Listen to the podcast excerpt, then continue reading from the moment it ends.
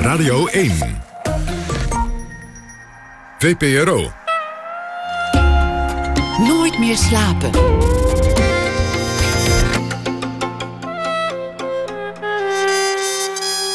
Met Pieter van der Wielen. Goedenacht, tot uh, twee uur is dit de VPRO met het uh, programma Nooit meer slapen. Mocht er nog uh, nieuws zijn omtrent de verkiezingen, dan zult u dat ook horen tijdens dit programma of in ieder geval op deze zender. We beginnen met de schrijver van de week. Dat is Joris van Kasteren. Die schrijft deze week elke dag voor ons een verhaal op basis van iets dat in het nieuws is gebeurd. Of iets dat hij zelf vandaag heeft meegemaakt. En hij draagt dat speciaal voor u voor elke dag. Hij heeft het al eerder gehad over paardenmestcontainers en over zijn uh, reisje naar België. Hij is uh, romancier. Hij schreef eerder boeken Lelystad, Het zusje van de bruid, Het been in de IJssel. En hij is genomineerd voor de Bob den L-prijs. Uh, Joris. Hoi, goedenacht. Hoe gaat het? Goed, ik ben doodmoe van mijn avonturen in Oostende en het korte slapen telkens. Maar ik ben weer in Amsterdam en onderweg kwam ik toch eigenlijk weer iets vreemds uh, tegen. En dat ook nog zowel actueel als uh, historisch leek te zijn. Was dat dus weer, ik... weer kijkend uit het raam van de trein? Ja, van de auto. Van de auto. ja. ja, eigenlijk een beetje zoals uh, die, die eerste van de, de paardenmestcontainers.nl. Ik ben benieuwd. Um, wat zullen we doen? Lees je het meteen voor voor je eerst uitleggen waar het over gaat? Ik zal het meteen voorlezen, het is helemaal duidelijk. Oké, ga je gang. Het heet Calix Berna. Pomphouders in de grensstreek waren een tijdje terug veel in het nieuws. Ze waren boos naar Den Haag gegaan omdat er een volgende accijnsverhoging op diesel en LPG zit aan te komen. Waardoor het prijsverschil met Belgische benzine, zo vrees te zijn, nog groter zal worden. Een staatssecretaris schijnt te hebben beloofd naar het lot van deze ondernemers te kijken. Komende vanuit Oostende, waarover ik gisteren vertelde, passeerde ik vanmiddag zo'n pomphouder in de grensstreek. Deze pomphouder in de grensstreek had een uiterst curieuze naam, Calix Berna. En die naam fascineerde mij meer dan de eventuele betrokkenheid van deze pomphouder bij de protestactie op het Binnenhof. Thuis zocht ik het op. Calix Berna is de naam van het naastgelegen natuurgebied... waar in de 18e eeuw grote legeroefeningen en zogenoemde schijngevechten werden gehouden... die onder meer werden gadegeslagen door de prins van Oranje. In 1769 werden er drie zogenoemde kogelvangers aangelegd. Een soort aarden wallen die misgeschoten kogels opvingen. De kogels konden dan opnieuw worden gebruikt, want lood was prijzig in die dagen. Een typisch Nederlandse vinding, kortom. Calix Berna blijkt een verbastering te zijn van de achternaam van Pieter Jacob Kalkberner.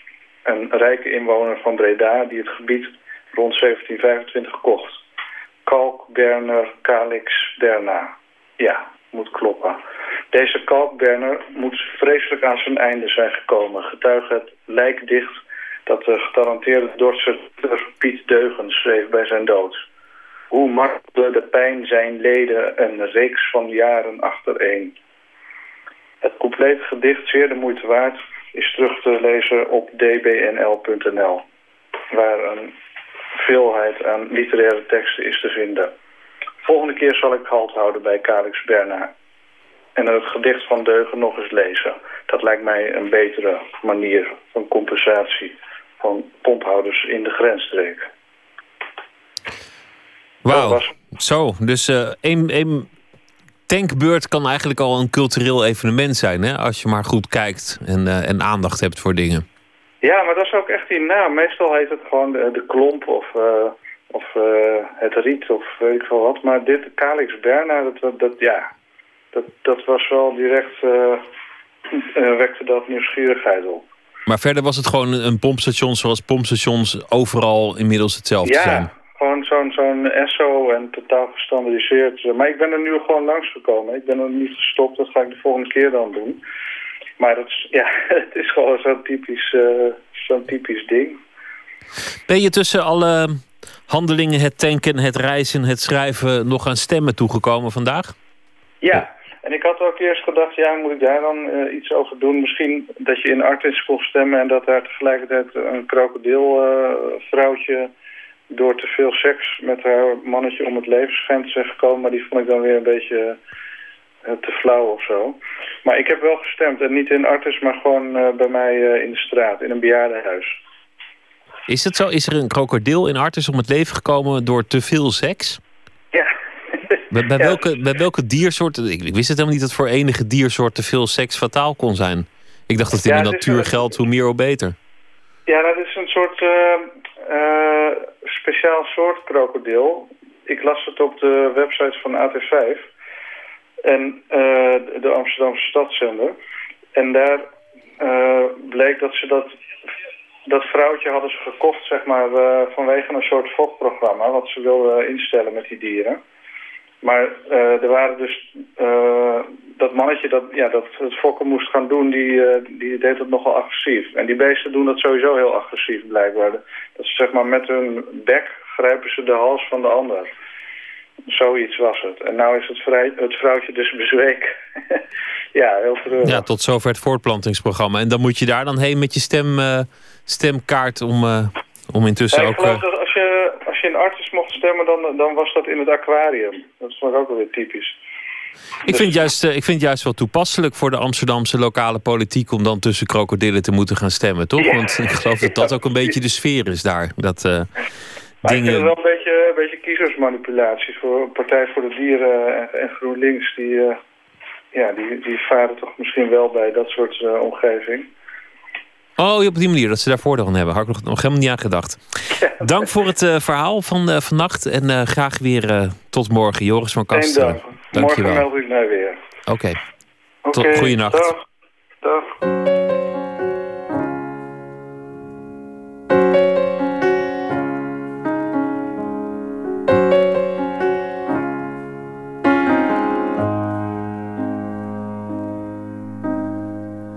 Sip another glass of wine in our garden in the moonshine. The shimmering soothe the battle with your blue. Let's smoke another cigarette before we cut the lights and leave for bed. Describe to me while you read the books you read. Do they bring you peace?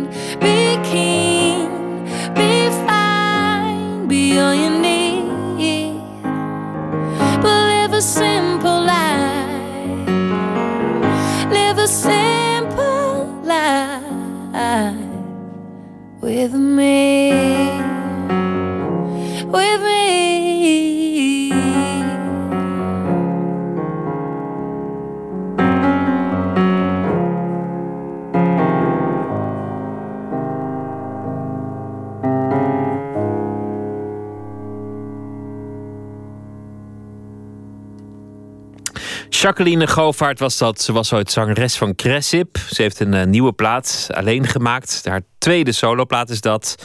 En uh, dat zijn liedjes uh, waarvoor ze zich liet inspireren door James Taylor, Carole King, dat soort mensen. Het nummer heette Simple Life.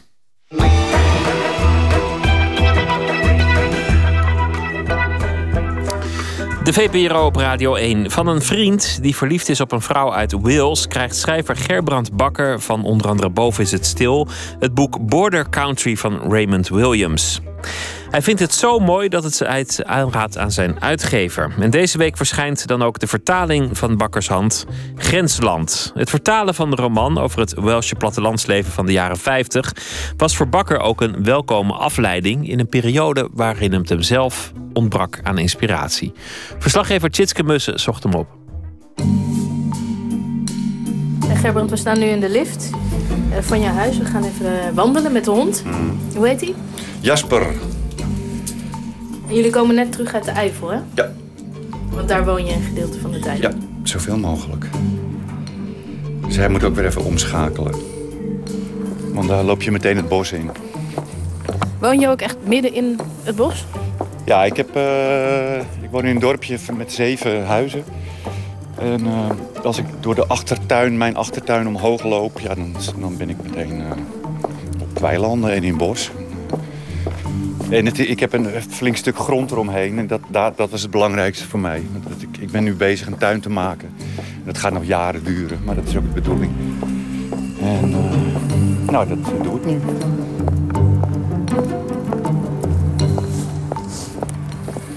Dat doet mij meteen denken aan de hoofdpersoon uit het boek dat je nu vertaald hebt van Raymond Williams. Um, Border Country, grensland. Een van de hoofdpersonen legt daar ook een, een tuin in aan, hè? Ja, die, uh, de, de, moestuin vooral is ja. dat, ja. Harry Price. Ja, dat is een, uh, zijn lust en zijn leven. Hij, hij werkt op een... Uh, hij is seinwachter. Um, Zo'n beroep dat tegenwoordig helemaal niet meer bestaat natuurlijk. Maar het boek bestrijkt een periode van zo ongeveer 1920 tot 1956, geloof ik. En uh, ja, hij is een echte ouderwetse uh, seinwachter in een seinwachtershuisje. En dat vindt hij prima werk. Maar zijn grote liefde is uh, de tuinen. Ja, vertel eens, wat voor, wat voor een boek is het? Uh, ja, ik, ik, ik noem het zelf een beetje een ouderwets boek. Echt een boek zoals een boek moet zijn. Uh, het gaat over een... Uh, nou, omdat het sowieso bijna 40 jaar bestrijkt. Dus je krijgt de ouders als ze jong zijn totdat ze oud zijn. En het op, opgroeien van het kind. ja, dat, ik, vind het, ik vind het gezellig. Ja, nou, dat is een beetje een fout woord. Maar ik vind het fijn om te lezen. Weet je, dat je denkt, oh ja, nu is hij ongeveer 20, die zoon. En nu, nu zal hij ongeveer 30 zijn. En het is, het is gewoon een heel familieverhaal. Opa gaat dood. Ach. Um, en het, het is een... Uh, ja, het is ook dus een historische roman. Uh, de, de grote mijnwerkerstakingen van 1926 in Wales spelen een tamelijk belangrijke rol. Wat ook erg belangrijk is in het boek is... en dat zullen heel veel mensen ook herkennen, denk ik... ik herken het zelf ook heel erg is dat je op een bepaald moment weggaat uit je, uit je ouderlijk huis en uit je geboortestreek. Ja, en daar moet je toch mee in het reinen zien te komen. Want die Matthew Price die woont dus in Londen, werkt aan de universiteit. Is gaan studeren ooit, omdat zijn vader dat heel graag wilde. Uh, ook dat nog. Ja, die zoon Die, die keert terug naar het dorp, naar zijn geboortedorp... omdat zijn vader uh, ziek is geworden. Uh, en eigenlijk speelt het boek zich af in de tijd tussen dat hij uh, vertrekt uit Londen en weer terugkomt in Londen. Ja, ja. En uh, dus je, je springt ook de hele tijd heen en weer in de tijd tussen nu. En nu is dan dus, ja, het, het jaartal staat er niet bij, maar ik heb gereconstrueerd dat het 1956 moet zijn. Uh, dat is dan dus nu en toen. En ja, hij, hij, is, hij is nooit echt losgekomen van zijn geboortegrond. Uh, hij is altijd een buitenbeentje geweest, ook in zijn geboortedorp. Hè? Dat waren eenvoudige mensen, uh, die werkten bij het spoor of waren boer. Ja. en dan krijgt hij een baan aangeboden door de beste vriend van zijn uh, vader. Die begint een jamfabriek. Die wordt kapitalist. En ehm, ja, dan zegt hij, dat wil ik niet. En dan wordt die vriend heel kwaad. Van ja, je bent eh, zeker te goed voor ons. Weet je, dat soort van dingen. Oh, vreselijk is dat. En daar probeert hij mee in het, in het reinen te komen, nu. Ehm, en daar gaat het boek ook heel erg over. Thuiskomen, echt thuiskomen, waar je hoort. Ja, en, en je zei je net, ja, dat is iets wat ik erin herkende. Ja, omdat ik, nou en niet alleen ik natuurlijk, maar heel veel mensen... eh, ook omdat ik uit een, een klein dorp kom. Op een gegeven moment ga je daar toch weg. Ik ben daar weggegaan op mijn achttiende. En ik, ik heb best lang, ja, me daar ook moeilijk toe verhouden, zeg maar. Want als ik, ik woonde in Leeuwarden eerst vier jaar en daarna hier in Amsterdam. En eh, ja, je moet die twee, het zijn echt twee verschillende werelden. En die moet je in jezelf zien te verenigen. Daar moet je, moet je blij, tevreden, gelukkig mee worden. En dat is best moeilijk. Ehm, ik, ik ben zeg maar thuis ook zo'n beetje de enige die eh, is gaan studeren. Eh, nou, nu ben ik helemaal raar, want ik ben schrijver. Eh, weet je, dus mijn ouders en mijn broers... die hebben zich daar ook moeten leren te in verhouden. Eh, en dat is, dat is een proces wat heel lang kan duren. Kijk, nu ziet hij een kat. Ah ja. En dan denkt hij, hé... Hey. Kijk, daar gaat hij. Kijk hem, kijk hem zitten. Hoe ben je met het boek in aanraking gekomen? Ehm, een vriend van mij die werd enorm verliefd op een Welsche vrouw. En omdat dat zo was, ging hij zelfs Welsh leren. En hij las ieder Welsh boek of boek dat over Wales ging... eh, dat hij, waar hij die zijn handen op kon leggen. En eh, ja, ik vond het ook erg mooi. En toen heb ik het weer doorgespeeld aan mijn uitgever. En die vond het ook mooi. Nou, en zo kom je van het een op het ander. En die zei, ga jij het eens vertalen? En die zei inderdaad tegen mij, ga jij dat nou eens vertalen? Toen zei ik, nee, geen sprake van. Want, eh, die, ah. Maar toen heb ik er een paar weken toch mee rondgelopen. En toen dacht ik, ja, ik ga het toch doen. Ik, ik zat ook in een periode in mijn leven dat ik, dat, ik, dat ik behoefte had aan iedere ochtend uit bed komen. En eh, domweg zitten en werken. Vertalen is, is zo anders, ander werk dan zelf een boek schrijven. Ehm, en dat was lekker. Het is, het is arbeid. Je gaat zitten. Alles wat je moet doen, is er al. Je hoeft het alleen even te vertalen. Eh, wat ook niet altijd even makkelijk is, maar het, Nee, het, werk is er. Een zware taak toch om iemands anders werk eh, Ja. eh, ja, mooi over te Ja. brengen voor een nieuw publiek. Ja, ja, nee, dat klopt. Dus daarom heb ik toen toch gezegd, ja, ik ga dat toch, toch maar doen. En waarom had je in die periode zo'n behoefte aan, aan gewoon arbeid, opstaan, werken? Nou, het ging niet zo goed. En dan, dan, is, ja, dan is vertalen heel lekker werk. Soms, ik, ik moet structuur hebben. Ik moet... eh, ik kom er steeds meer achter dat ik... Ik ben niet een vreselijke autist hoor, maar toch wel een beetje. Eh, dingen moeten een beetje duidelijk zijn. En het lekkere was ook dat dit vertalen aan het, aan het boek... dat heeft echt maanden, maanden, maanden werk was dat. Heerlijk. Gewoon iedere dag zitten en domweg werken. Niet nadenken over andere dingen. Gewoon werken. Heb jij iets van dit boek geleerd? Heeft het jou zelf verder gebracht op een manier? Ehm, voor mijn eigen schrijven Ja. bedoel je dan waarschijnlijk. Ehm, nou, dat, is, dat weet ik zo niet. Daar zou ik over na moeten denken. Om nu zo 1, 2, 3. eh, niet. Nee. En het proces van het vertalen, van gewoon opstaan, arbeid. Ja, ik wil veel meer gaan vertalen. Ja. Eh, ik, het is mooi werk. Ik weet wat, dat ik vooral eh, heel graag... eh, toen ik De Omweg schreef, mijn laatste roman... eh, dat, dat draait allemaal om één specifiek gedicht van Emily Dickinson. En tijdens, in de zes maanden dat ik werkte aan dat boek... heb ik ook enorm veel gedichten van Emily Dickinson vertaald. Gewoon voor de lol. En oh, dat is zo fijn werk. Gedichten, dat is nog veel meer. Dat is heel compact, klein. Eh, je moet enorm letten op allerlei verschillende dingen. Ritme, metrum, rijm eventueel. Ehm, dat is echt eh, heel mooi puzzelwerk. Maar dat zijn kleine puzzels, puzzelwerkjes. Ehm, dus dat zou ik ook graag nog een keer doen. Een of andere dichtbundel eh, vertalen. Hey, en, en eigen werk, is, ben je met iets bezig? Uh, nee. Nee, ik, ik, ben, ik ben erg bezig met, uh, met, die, met het huis daar in de Eifel. Uh, word ik nog verbouwd nu. Ik ben met die tuin bezig. ik schrijf iedere twee weken een column in de trouw. Nou, dat is wel zo'n beetje. Ik wacht tot ik weer zin krijg. En dan gebeurt er wel weer wat. Ja, Jasper die denkt ook, wat een saaie wandeling is dit. We staan er altijd stil, hè.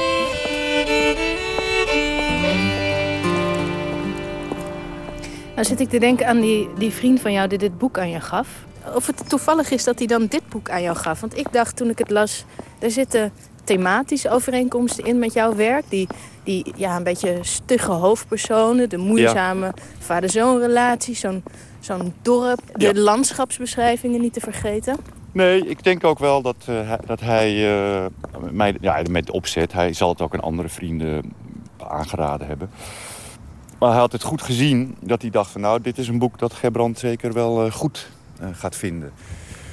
Um, nee, dat klopt. Heel veel, heel, veel, heel veel landschap zit er ook in. Um, heel mooi, heel, ja, vind ik dan heel mooi de seizoenen. Daarin, daarin excelleert die, die Raymond Williams ook wel hoor. Die, die, dat soort van beschrijvingen.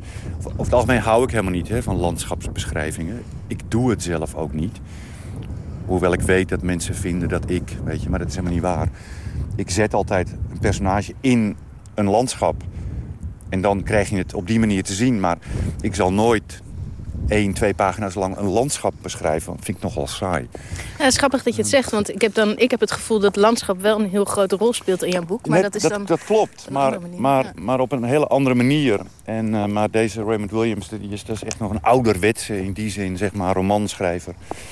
Uh, die net als die oude Russen ook, uh, ja, gewoon soms twee pagina's lang een landschap beschrijft. Maar toch ook, en daarin lijkt hij ook alweer op mij... toch ook altijd vanuit vaak uh, die zoon, die Matthew Price, gezien. Die eventjes uh, de heuvel beklimt, die hij al zijn hele leven kent. En daar gaat zitten en dan overdenkt hoe het zal zijn... als hij dus naar Londen vertrekt om daar te gaan werken en te gaan studeren. En, dus dat doet, doet hij dan ook wel weer mooi.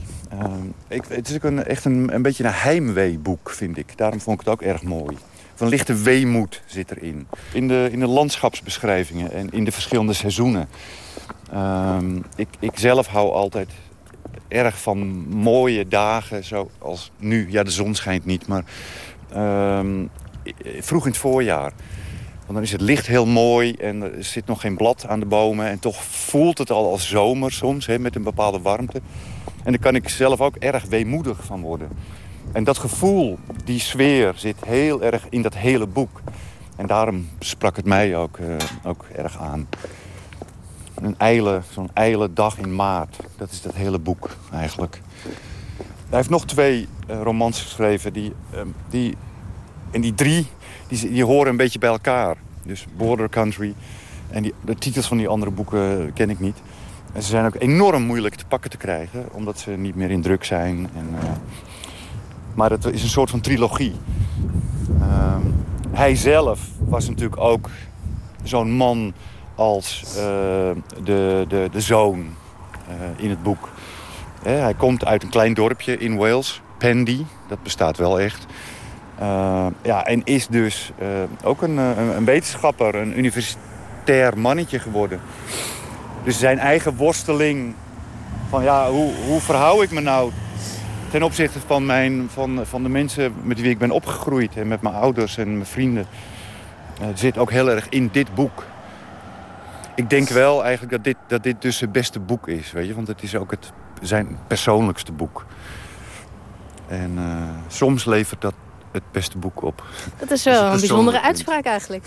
ja. Toch? Nou, nee. Het is, het, is het is in die zin heel eerlijk ook, denk ik. Hij, hij, hij moest het schrijven. Uh, dat merk je, heb ik tenminste hoor. Als ik een boek lees, dan, dan merk je gauw genoeg of er een soort van noodzaak is. Hè, dat het kwam. Uh, of dat het ja, een boek is, omdat je nou eenmaal schrijver bent. Um, maar merk je dat in je eigen boek ook? Of kun je dat van jezelf zeggen? Nee, dat kan ik van mezelf niet zeggen. Um, Of wel, maar dat doe ik nu niet. Geheim van de schrijver. Ja. Nou, en misschien is dat ook wel de reden, weet je, dat ik nu al eigenlijk vier jaar... eh, eh, de omweg is verschenen in 2010. En dat ik al vier jaar zelf niet aan een roman gewerkt heb. Omdat ik eh, opnieuw op zoek moet naar een soort van eh, noodzaak. Of, eh, ik, ik, ik noem het ook eh, in analogie met dat hovenierswerk. Ik ben aan het composteren momenteel. Er, er, er, er- gebeuren dingen, weet je, dat, dat merk ik, dat weet ik. Maar dat heeft gewoon tijd nodig. Het moet even goed composteren en dan kan je het weer opnieuw gebruiken.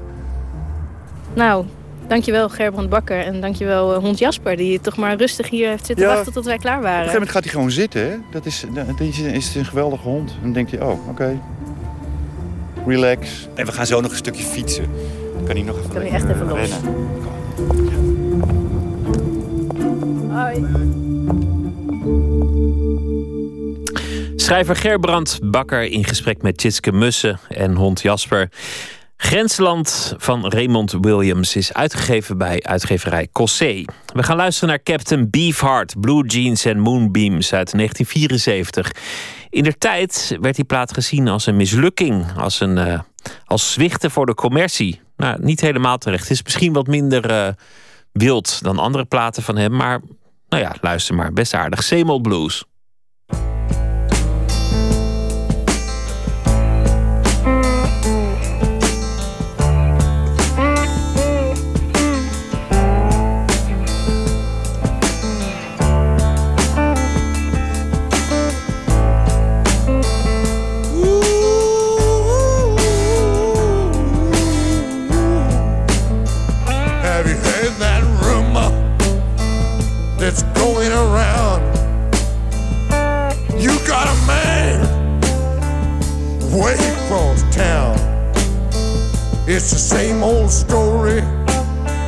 Tell me where does it end?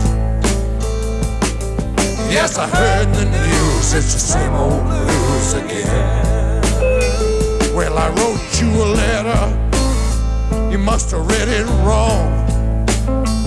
I stood at your doorway, but you were gone. I took a lot of time and let your telephone ring. It's the same old blues, it's the same old blues again.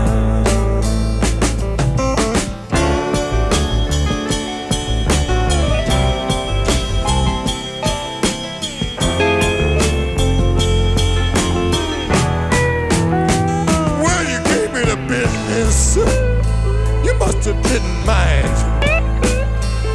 Cause I got a lot of patience and I got a lot of time. It's the same old story. Tell me where does it end? It's the same old blues, it's the same old blues again.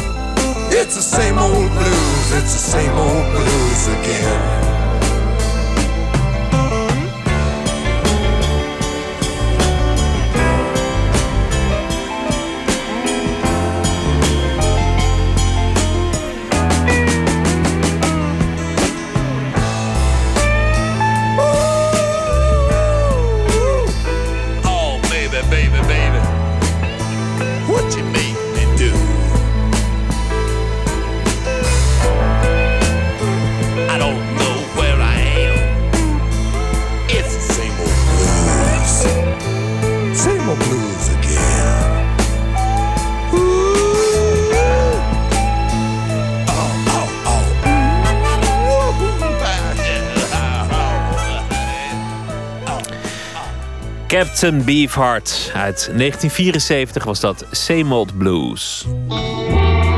Nooit meer slapen.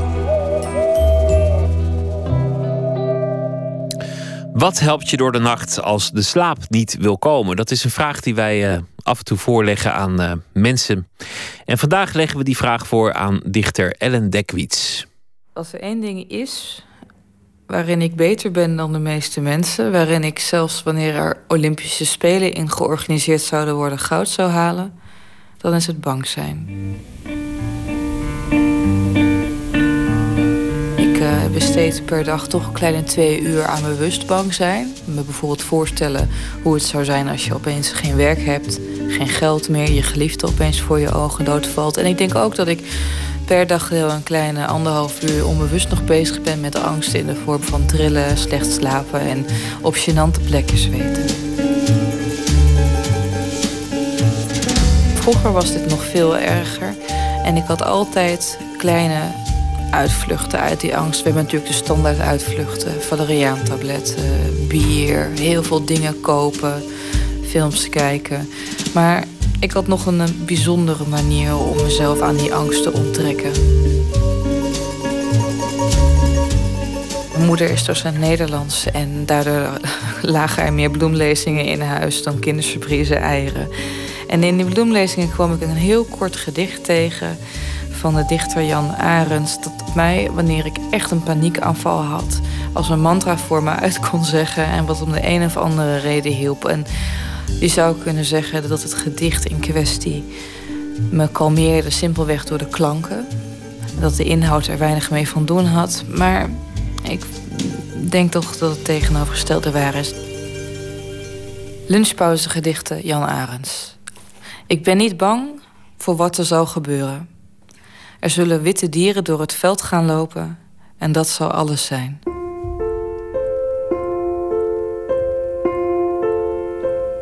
Is een heel simpel, heel kort gedicht. Het heeft helemaal geen beklemmend rijm of stampend metrum. En toch zit er voor mij een zekere troost in. Kijk, heel veel, wanneer ik mezelf moet uitleggen aan derden, begint het vaak met ik ben bang dat. Of ik ben bang zus, of ik ben bang zo.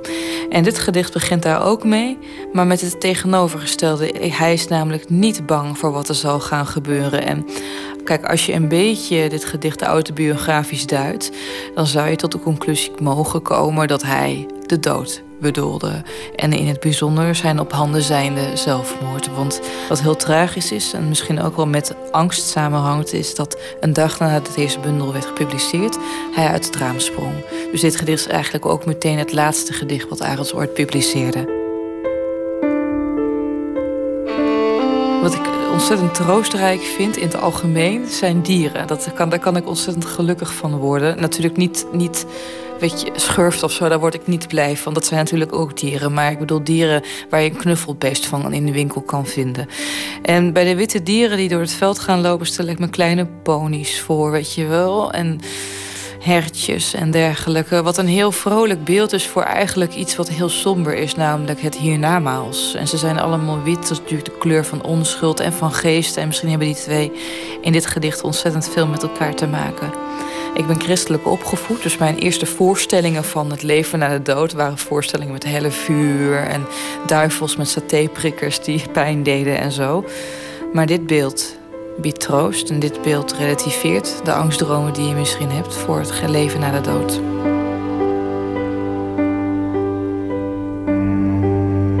Als ik een, eh, een paniekaanval heb s'nachts, dan ga ik heel stil liggen. Ik versteen als een egeltje. Ik rol me op in mijn dekens.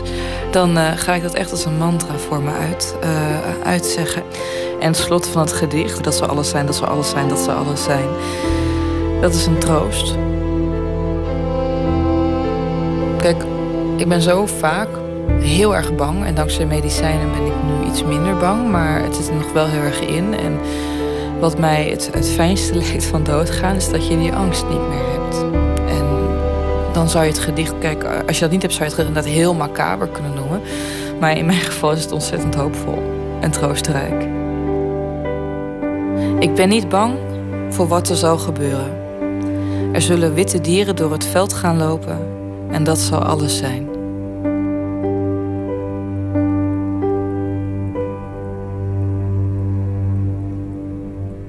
Through the night.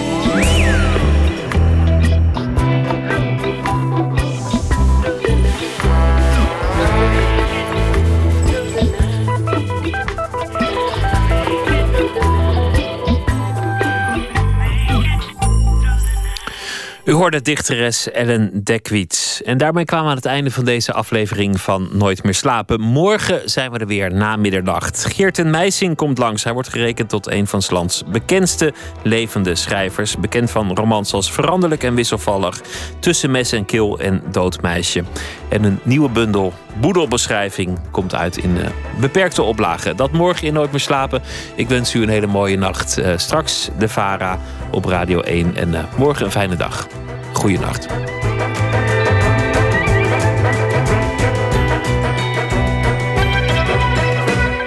Op Radio 1, het nieuws van alle kanten.